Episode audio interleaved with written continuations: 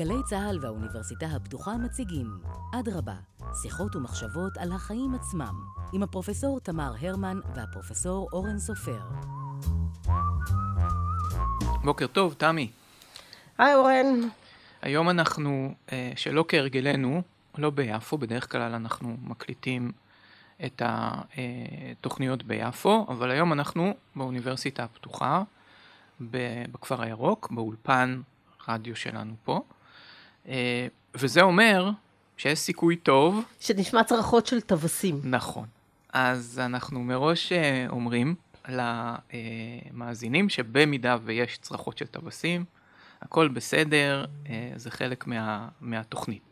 אני רק רוצה לומר שהואיל והנושא שלנו היום זה הגבריות הישראלית, אז זה לא צווחות של גברים ישראלים שעושים להם דברים איומים כאן אה, בחוץ, אפשר להירגע.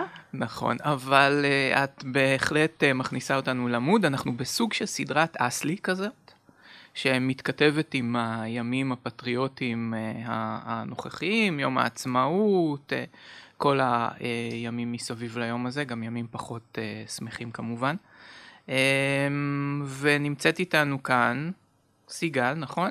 דוקטור סיגל ברקאי, המפקחת הארצית על תחום האומנות החזותית במשרד החינוך, ומגיעה לה מזל טוב מיוחד, מזל מפני. שהיא ממש פרסמה בימים אלה ספר חדש, ושמו במה לגברויות ודמויות חיילים ישראלים בתיאטרון. הספר הזה אה, נמצא עכשיו כבר אה, למכירה, אפשר כבר אה, לקנות אותו. אבל זה התחבר לנו כל כך טוב אה, לנושא שרצינו לדבר, ואמרנו הנה משמיים נפלה לנו כאן אה, מומחית לנושא הגבריות הישראלית, ועל הנושא הזה בהקשר של הימים הלאומיים ויום עצמאות וכמובן אה, יום הזיכרון שבא לפניו, אנחנו נרצה לנסות לפענח את המשמעות של המושג הזה. האם יש בכלל גבריות ישראלית מיוחדת? איך הגבריות הישראלית מתכתבת עם הנשיות הישראלית?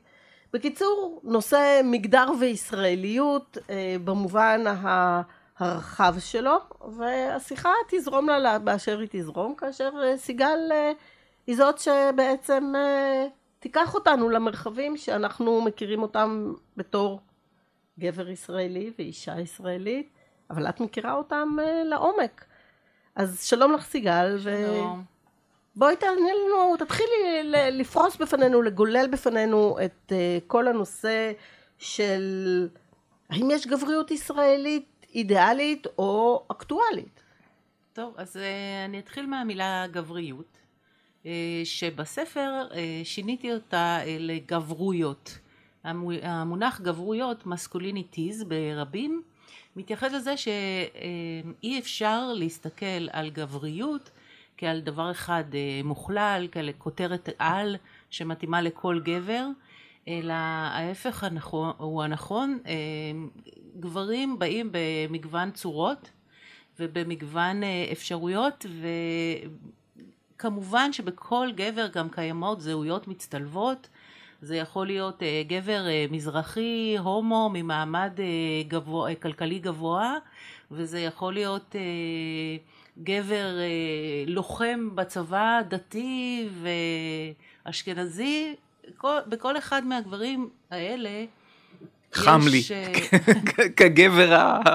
הוא כבר התחיל להזיע. בדיוק, חם לי. מדברים על גברים, התחיל להזיע. בקיצור, מה ש... המסע שיצאתי אליו זה אה, המסע לשחרור הגבר הישראלי מהסטריאוטיפ החד-ממדי. רגע, את, את ממש עכשיו מכניסה אותי לדילמה, כי תמיד אמרו, גבר זה דבר פשוט, זה יצור פשוט. והנה את אומרת, אה, יש אה, לא רק שפע של סוגי גברים, אלא כל גבר uh, בתוכו הוא uh, עולם ומלואו, זה יחייב אותי לאיזושהי חשיבה מחדש של אבל ה... כל הדיכוטומיות בעצם מחייבות uh, חשיבה מחדש, הרי במקומות ציבוריים בארצות הברית, uh, היום כבר אין רק תא שירותים לגברים ותא שירותים נכון. לנשים, אלא גם יש אחד שהוא חצי, שהוא על חצי, אני בדיוק. רק רוצה לתקן את זה, זה לא בכל המקומות בארצות כן. הברית. לא בכולן. זה ממש במטרופולינים בדרום, הגדולים, בדרום דקוטה. במוזיאון הילדים בשיקגו מצאתי כזה תא. כן. אבל מה שכן אני רוצה לומר, שנקודת המבט שלי היא קודם כל כאישה. וב' כיוצרת וחוקרת פמיניסטית, שבאתי למקום הזה מתוך התחושה שהמגדר הנשי אה, עובר עשרות שנים של אה, מחקרים, מחקרים ו- ו- ובדיקות וחפירות אין קץ, וכולנו, אה, כולם מנסים להגדיר מה זה אישה, ומה התכונות של אישה, ומה היכולות של אישה, ואם היא כן אה, יכולה להיות אינטלקטואלית וחוקרת ואקדמאית, או לא יכולה, אה, זה לא כזה מובן מאליו, עד המאה ה-19 חשבו שהמוח של הנשים הוא רך, והוא לא יכול אה, להכיל בתוכו ידע אקדמי. אז דברים כל הזמן נמצאים בשינוי, וכחלק מהשינוי הזה אני חשבתי שזה לגיטימי שנשים יחקרו גברים, את המגדר הגברי. בכלל ההגדרה הזאת, מגדר גברי, זה לא אה, מובן מאליו, מכיוון שרוב המחקרים עד לפני כ-20-30 שנה התייחסו לפני הגבר כפני החברה. כלומר, המחקרים התעלמו לחלוטין מכך שיש פנים נוספות בחברה, יש נקודות מבט נוספות בחברה, שאפשר לראות משהו מנקודת המבט הנשית, משהו מנקודת המבט הגברית, משהו מנקודת המבט הלהטבקית וכולי וכולי. אז מה באמת הסטריאוטיפ של התפיסה הגברית, שממנו נתחיל, אנחנו מתחילים? נתחיל מקריקטורות יום עצמאות רגילות, שאנחנו, מה אנחנו רואים? אנחנו רואים אה, גבר אה, עם קרס, שעיר. עושה אה, מנגל. עושה מנגל, אה, מזיע, לא מנומס, חותך בכביש. אה, אני חייבת לומר ש... המחקר שלי ש, שחקר את החיילים בצבא הישראלי כפי שהם מיוצגים בתיאטרון גילה שיש גם כאלה אבל יש גם המון אחרים והרבה מהגברים הישראלים נושאים בתוכם חותם של טראומה. זה אחד, ה, אחד הממצאים החשובים במחקר ולדעתי חותם של טראומה לא מאפשר לך להיות אה, שטחי, שטוח, חד-ממדי. זה, גם אם זה מוכחש וגם אם זה לא מוכחש, זה משהו שמנהל אותך. זו טראומה מסוג אחד, או שיש הרבה סוגים של טראומות? אני אה, חקרתי חיילים, אז התמקדתי בעיקר בטראומה הצבאית. אבל כל גבר ישראלי הוא גם היה חייל בדרך זו או אחרת, גם אם הוא היה חייל בגלי צה"ל או היה חייל אה, בש"ג, עדיין הוא מתייחס לאידיאל הגברי, שבמדינת ישראל זה האידיאל של החייל הקרבי. רגע, אבל בואי, בואי מכאן נעשה איזושהי הבחנה, אנחנו מדברים על הגברים הישראלים היהודים. היהודים, מפני שיש לנו בהחלט. גם אה, אבל... גבריות ישראלית. ערבית. נכון, וזה גם כן אחד מהדברים שבגללם קראתי לזה גברויות, מפני שלמשל כל ההצגות והמחזות שנוצרו בישראל אני חושבת שעד סוף שנות ה-70 לפחות, אה, או שלא התייחסו בכלל לערבי, או שהתייחסו לערבי כאיזושהי אנטיתזה ליהודי. בדרך כלל זה היה מין אה, דמות שותקת, דמות שנועדה להראות לנו מה אנחנו ומה אנחנו לא. אה, ככל שהזמן מתקדם יש יותר ביטוי עצמי של גברים, אה, אה, כמובן גם נשים, אבל גברים ערבים שמשמיעים את קולם בשם עצמם. ואז הסיפור מתחיל להיות יותר מורכב, כי אז אנחנו רואים דברים בצורה פחות סטריאוטיפית. אני חושבת שבשנים האחרונות כן, יש, נוצרת גבריות ערבית וגם ערב, אה, גבריות ערבית יהודית, או מזרחית, כמו שחלק מהאנשים לא אוהבים שקוראים להם, כי אה, זאת אה, גבריות מיוחדת בעיניי, אני מתבוננת בה בעיניים אה, משתאות וגם מוקסמות במידה רבה. בגבריות המזרחית? כן, כן. נשמעת חצי אוריינטלית, מה, מה, מה כל כך... אוריינטליסטית אתה רוצה להאשים אותי? בדיוק. ממש לא. לא, אני מסתכלת על זה בעיניים ישראליות. תראה, אני נשואה למזרחי כבר כמעט 40 שנה, ואני רואה את הנוער שלמשל בחתונות משפחתיות שלנו, אני רואה את הבנים הצעירים שגדלים בחברה הישראלית הנוכחית העכשווית ואני רואה משהו חדש. אני לא רואה את אותו אה, פלמחניק או יהודי חדש. אני רואה תערובת של דברים, איזשהו עידון, איזושהי... אה, קודם כל הם כולם אה, מאוד משפחתיים. אה, כל השירים אה, בתרבות השירה, הפזמון העכשווית שמהללים את אימא, תשים לב, יש שם אשכנזי אחד שכותב שיר כזה? מה פתאום. כולם, כל שירי האהבה לאימא הם אה, שירים של גברים מזרחים. והסוג הגבריות הזה שאומר, אני אוהב את אימא שלי, אני מעריץ את אימא שלי, זה משהו שהוא, אני חושבת, אה, אה, יכול לצמרר גבר, מערב, אה, גבר אשכנזי. הרבה גברים ישראלים עכשווים יכולים למצוא את עצמם במקום הזה, במקום הרך, האוהב, המאפשר ביטוי רגשי. גם אם הם אשכנזים, הם יש לי קרוב משפחה כזה שהוא נולד במשפחה אשכנזית למהדרין אבל כל הזהות שלו היא כביכול מרוקאית הוא אוהב את האוכל המרוקאי את, את, את המשפחה המרוקאית ומתנהל ככה גם בבית שלו אז אה, כי זאת גישה לא מהותנית היא אומרת אתה יכול לבחור לך את הזהות בדיוק. שלך ואני חושבת שזה מתחבר גם לגבריות ונשיות נכון? נכון גם בגבריות את לא חייבת ללכת לאידיאל המושלם לכאורה האורי שלו הלך בשדות את יכולה לקחת אלף ואחת וריאציות אה, אחרות של גבריות היום. נכון, אני חושבת שבסקירה היסטורית אנחנו רואים את זה שבשנות החמישים כמובן, ושישים ושבעים, אה, הבחירה השחור לבנית היא הרבה יותר חזקה. הגבר כדי להיות גבר צריך לוותר על המון דברים, הוא צריך לוותר על היכולת אה, לוותר רגשות, הוא צריך לוותר על היכולת לבכות או, או, או להגיד אני פגוע, אה, למשל מטראומת קרב, כן?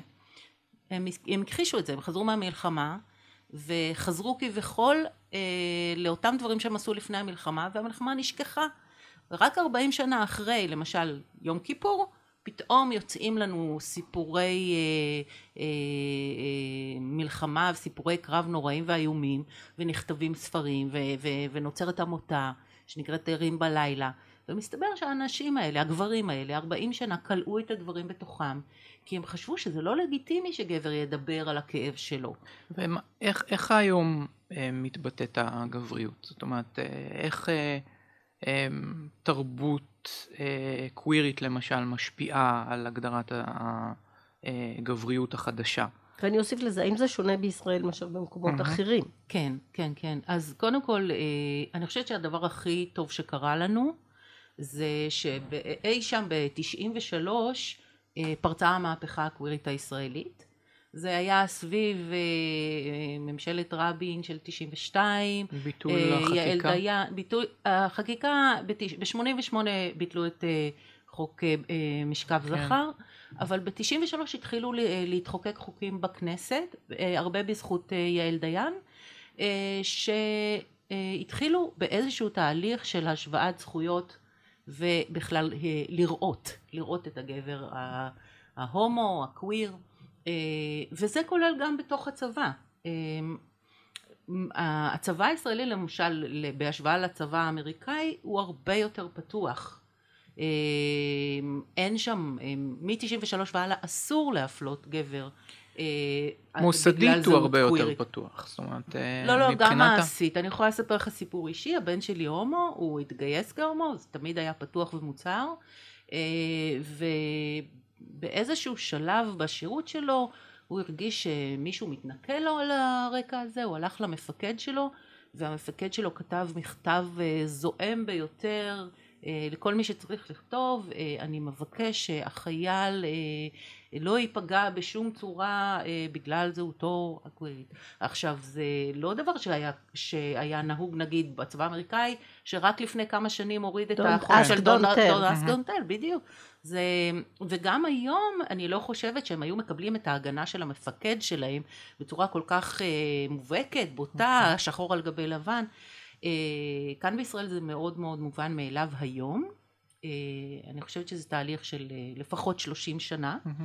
וזאת הסיבה שאין אה, דבר כזה שהומו לא מתגייס בגלל שהוא הומו. יש אולי סיבות אחרות שקשורות, אבל כן. רוב, דני קפלן, פרופסור כן. דני קפלן מצאה שרוב ההומואים הישראלים משרתים שירות מלא ותורמים לחברה בדיוק כמו אחיהם הסטרייטים. Mm-hmm. אז מה שרציתי לומר זה שככל שהזמן עובר, אנחנו מאז שנות התשעים אה, אנחנו רואים שיש יותר רצף, רצף אה, מגדרי ואיזושהי פתיחות אה, גם במרחב הזה של זהות נשית גברית, גם במרחב של החד מיניות, אנשים יכולים להגדיר את עצמם כנמצאים באיזושהי נקודה על הרצף ולאו דווקא חייבים להתחייב לפורמט אה, מצד ימין או מצד שמאל של ואיך הקשת. זה משפיע על החברה הכללית, על התפיסה הכללית של הגבר? טוב, זה נורא קשה לדבר על דברים כלליים, כי Mm-hmm. אם אתה שואל למשל בחברה הדתית, אנחנו עדיין לא הגענו לשם. אה, שם הדברים עדיין מאוד נוקשים, מאוד מובנים. גם שם יש אה, כיסים ותאים של אה, הומואים דתיים שעושים מהפכה שקטה. אבל שם התפיסה הגברית מלכתחילה היא מאוד שונה מהתפיסה הישראלית. אתה מדבר איתי על היהודי. אני רוצה באמת נכון. להתחבר, בואי, בואי, אה, דילגנו באמת על הקטע של מניין הגיע הגבר הישראלי אה, הקלאסי, כאשר ברקע יש היסטוריה ארוכה של גבר יהודי, חלש. ששרירים אינם... אה, אה, בדיוק. אז, אז תראו, אה, כל החזון הציוני הוא מעוגן באופן כמעט בלתי ניתן להפרדה בחזון של גבריות.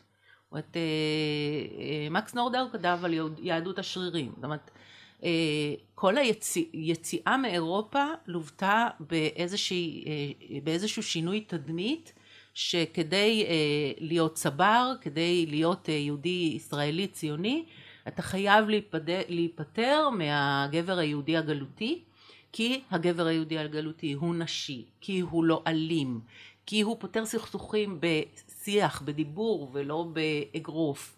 אה, וכל הדימוי הזה בעשורים הראשונים של הקמת המדינה היה משהו שחייבים להיפטר ממנו.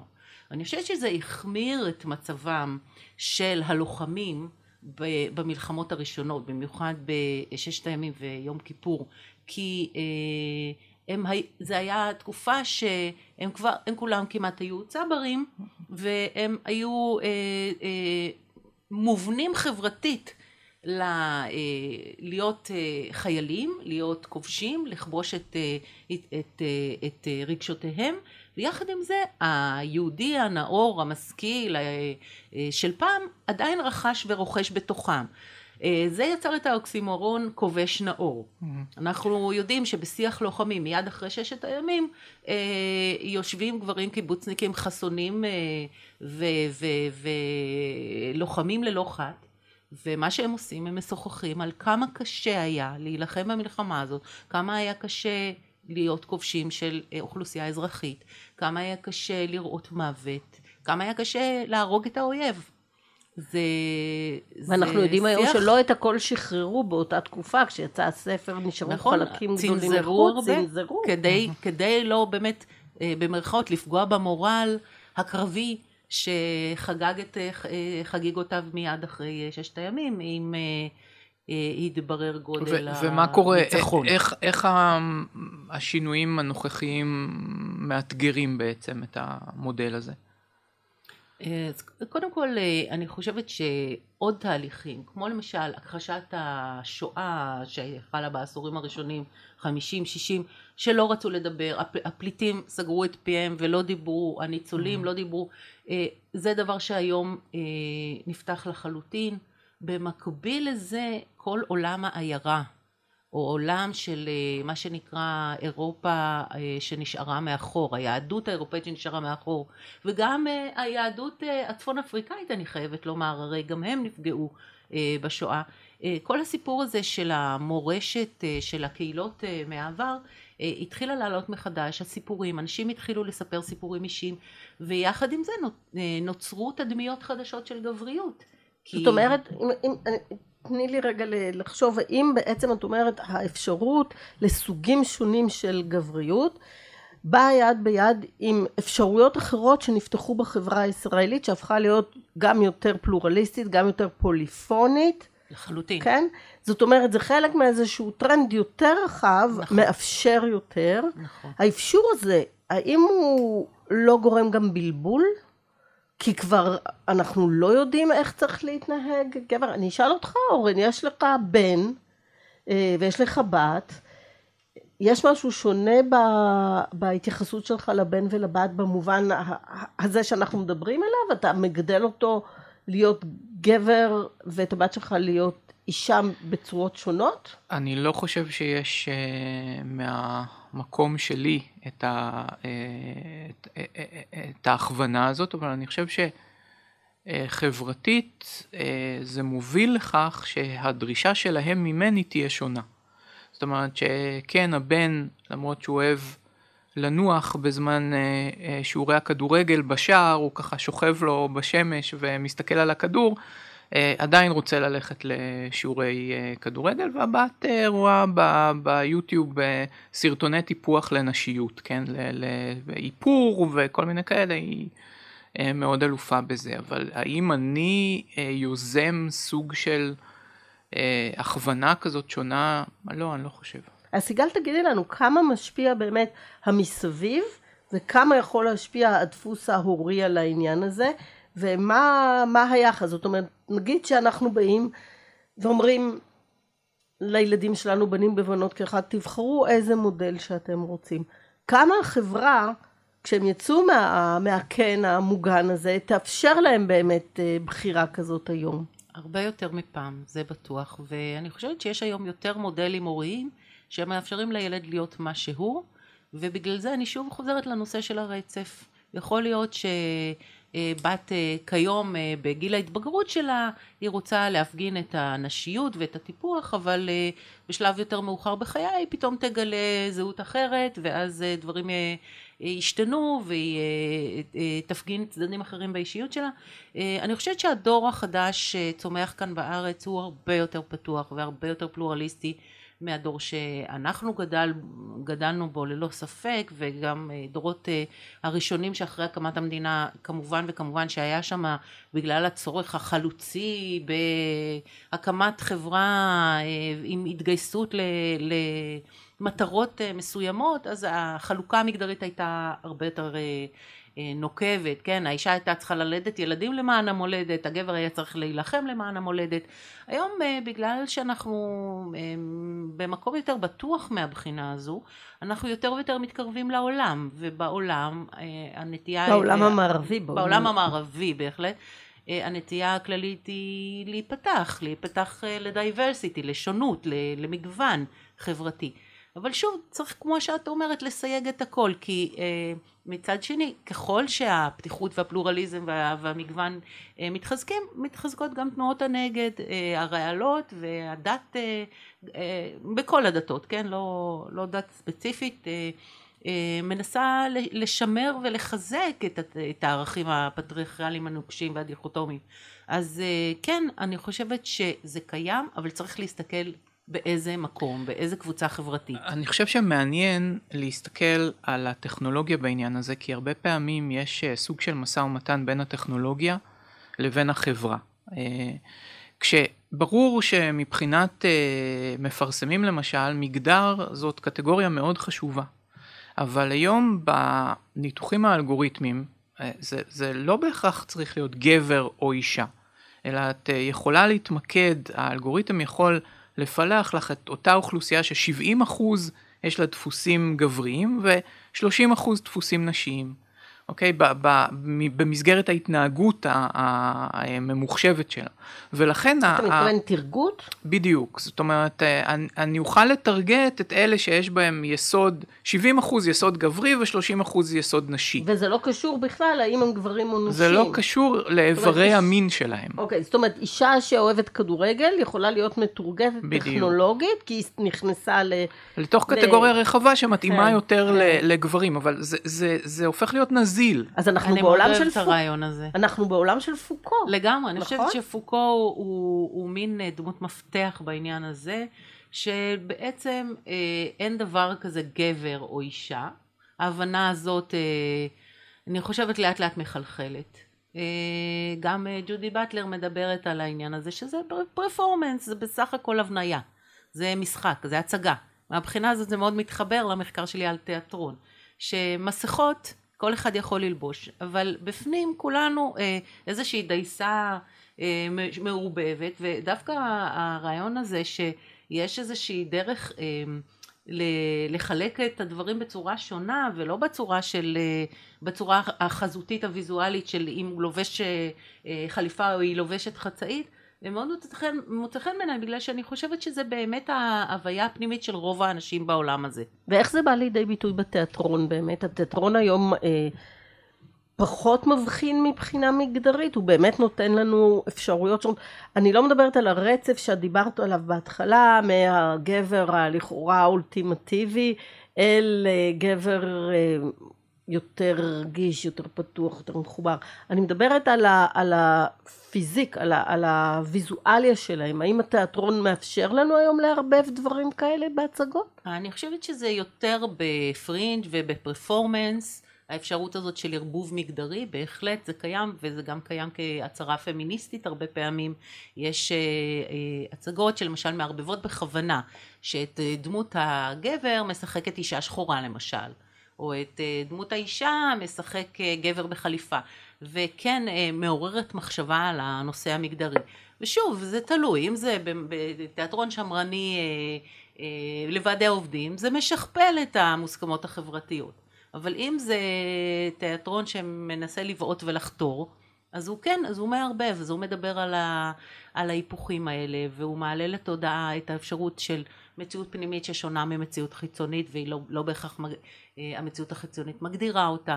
אה, התיאטרון מהבחינה הזאת מאוד ניסיוני ומאוד אה, בועט. בהרבה מאוד יצירות שנוצרות בו, גם בעולם וגם בישראל. את יכולה לתת לנו דוגמאות מהצגות שבאמת את רואה בהן איזה נקודת תפנית בדמות הגבר הישראלי? תראי, הייתה הצגה אה, שנקרא הנאהבים והנעימים ב-2004. זו אמנם הצגה שגרתית שעלתה בהבימה, באולם הראשי, אבל היא הייתה נקודת מפנה מה, מהבחינה של היחס ל... לקוויריות, כי היא דיברה על אה, זוג גברים דתיים בישיבה, זה עיבוד של אה, בשבי זינגר שעשה מוטי לרנר. אה, זוג גברים, גברים בישיבה שמתאהבים זה בזה ובורחים לעיר אחרת, שם אחד מהם מתחפש לאישה והם חיים, חיים מאושרים כזוג נשוי. להעלות הצגה כזאת בהבימה באולם הראשי ב-2004 זה לא היה מובן מאליו. וזה הראה שהחברה הישראלית הגיעה לאיזושהי אה, הבשלה, אה, גם בגלל העניין של אה, העולם הדתי, עולם הישיבות, אה, ששם בגלל שיש אה, חד מיניות מובנית, החוקים הם פי אלף יותר נוקשים. זה ממש מערער על הרבה מאוד אה, סטריאוטיפים וסטיגמות ש, ש, שיש ופחדים, ומעורר חרדות ופחדים אה, רבים. גם ההוואי של הגברי, הגבריות הצבאית הוא דומה כי גם שם זה חברה חד מינית ומי שעובר על החוקים של uh, נגיד uh, בין גבר לגבר יחסים שהופכים מרעות ליחסים מיניים זה טאבו מאוד גדול וצריך להתנגד לו. אה, אולי מכאן באה גם ההתנגדות הגדולה לשירות משותף של נשים וגברים, כי את מכניסה אלמנט של מיניות למקום שלכאורה היה חד מיני מתוך איזה הבנה מאוד שטוחה שאם הוא חד מיני אז אין לו את האלמנט הזה בתוך הקיום המשותף. נכון, אה, כן, הפחדים האלה הם תמיד קיימים. זה פחדים מאוד שמרניים בעיניי. אני חושבת שדווקא אה, מה שהוכח למשל במחקר של קפלן זה שגברים אה, הומואים לא חושפים את המיניות שלהם בצבא. הם מאפקים אותה יותר מאשר בחברה האזרחית. זאת אומרת, הם יכולים לצאת לחופשה הביתה ושם אה, לעשות מה שבא להם, אבל בתוך היחידה הם ישמרו על הקודים הצבאיים ההטרוסקסואליים. עוד הפקה שכתבתי עליה זה בין לבין. שזה נכתב על ידי טרנסג'נדר, female to male, רוני אלמוג, אה, ושם אה, הוא התייחס לנושא של טרנסים בצבא, זה הצגה יחסית מוקדמת מתחילת שנות האלפיים ולכן היא מבטאת אה, תחושה של החמצה, היא מדברת על זה שאנחנו לא נעמוד ביום הזיכרון כמו כולם, אותנו לא יספידו כמו כולם, כי אנחנו לא משרתים בצבא וכולי. אה, אה, הוכח אחרי זה שזה לא נכון, שגם טרנסים, אפילו תוך כדי השירות הצבאי, אה, קצינה בצה"ל הפכה להיות גבר, או גבר הפך להיות אישה. ו, ו, והצבא הכיל את זה וקיבל את זה. זאת אומרת שלפעמים החוויה הפנימית היא קורבנית, אבל המציאות היא דווקא יותר פלורליסטית, וכמובן שההפך זה הנפוץ יותר. אז יש לי שאלה שבאמת מתחברת בדיוק לזה. אם הירידה של הצבא אה, כמוקד אה, זהות ישראלית, זהות והזדהות נכון. בחברה הישראלית, ואם אנחנו אומרים שהגבריות הישראלית הייתה כל כך קשורה לתפקיד החייל, ואם הצבא הופך להיות מוסד פחות מרכזי, איך זה, מה זה פותח לנו בעניין של זה פותח הגבריות? המון, זה נכון, אני כתבתי בדיוק אה, פרק על זה שבניינטיז חל איזשהו משבר אה, בין הצבא לחברה הישראלית, התפתח אה, אנטי מיליטריזם בעקבות מלחמת לבנון והשהות הארוכה שם והמוות ה... שפקד אותנו כל שבוע כל שבוע של חיילים, פתאום כל ההרואיזם וכל הערצת הצבא אה, ירדו בצורה דרמטית ואז עלה, עלתה דמות של גבר חדש, הגבר האזרחי. אה, זה יכול להיות עורך דין מצליח, זה יכול להיות מישהו שעשה כוכב סטארט-אפ. ריאליטי. כן, כוכב ריאלי, או, או עשה איזשהו אה, אקזיט נהדר ו, והוא פתאום הפך להיות למיליונר, זה הפך להיות ערכים אה, אה, צ, אה, גבריים שיותר מתקשרים להצלחה, לגבר המצליח ב, למשל בארצות הברית, שהוא שם זה self made man, זה לא הגבר הצבאי, אה, החייל, שם החייל נמצא ממש בתחתית הסולם החברתי. כלומר זה מאוד מאוד תלוי תרבות. אפשר לדבר גם על, על אה, תמונת אה, מראה כזאת של שינוי בדמות האישה והתקרבות גם לתרבות האמריקאית? בואו נחלק את זה לשניים. החיזוק של דמות האישה זה בהחלט משהו שקרה במקביל לחלוטין.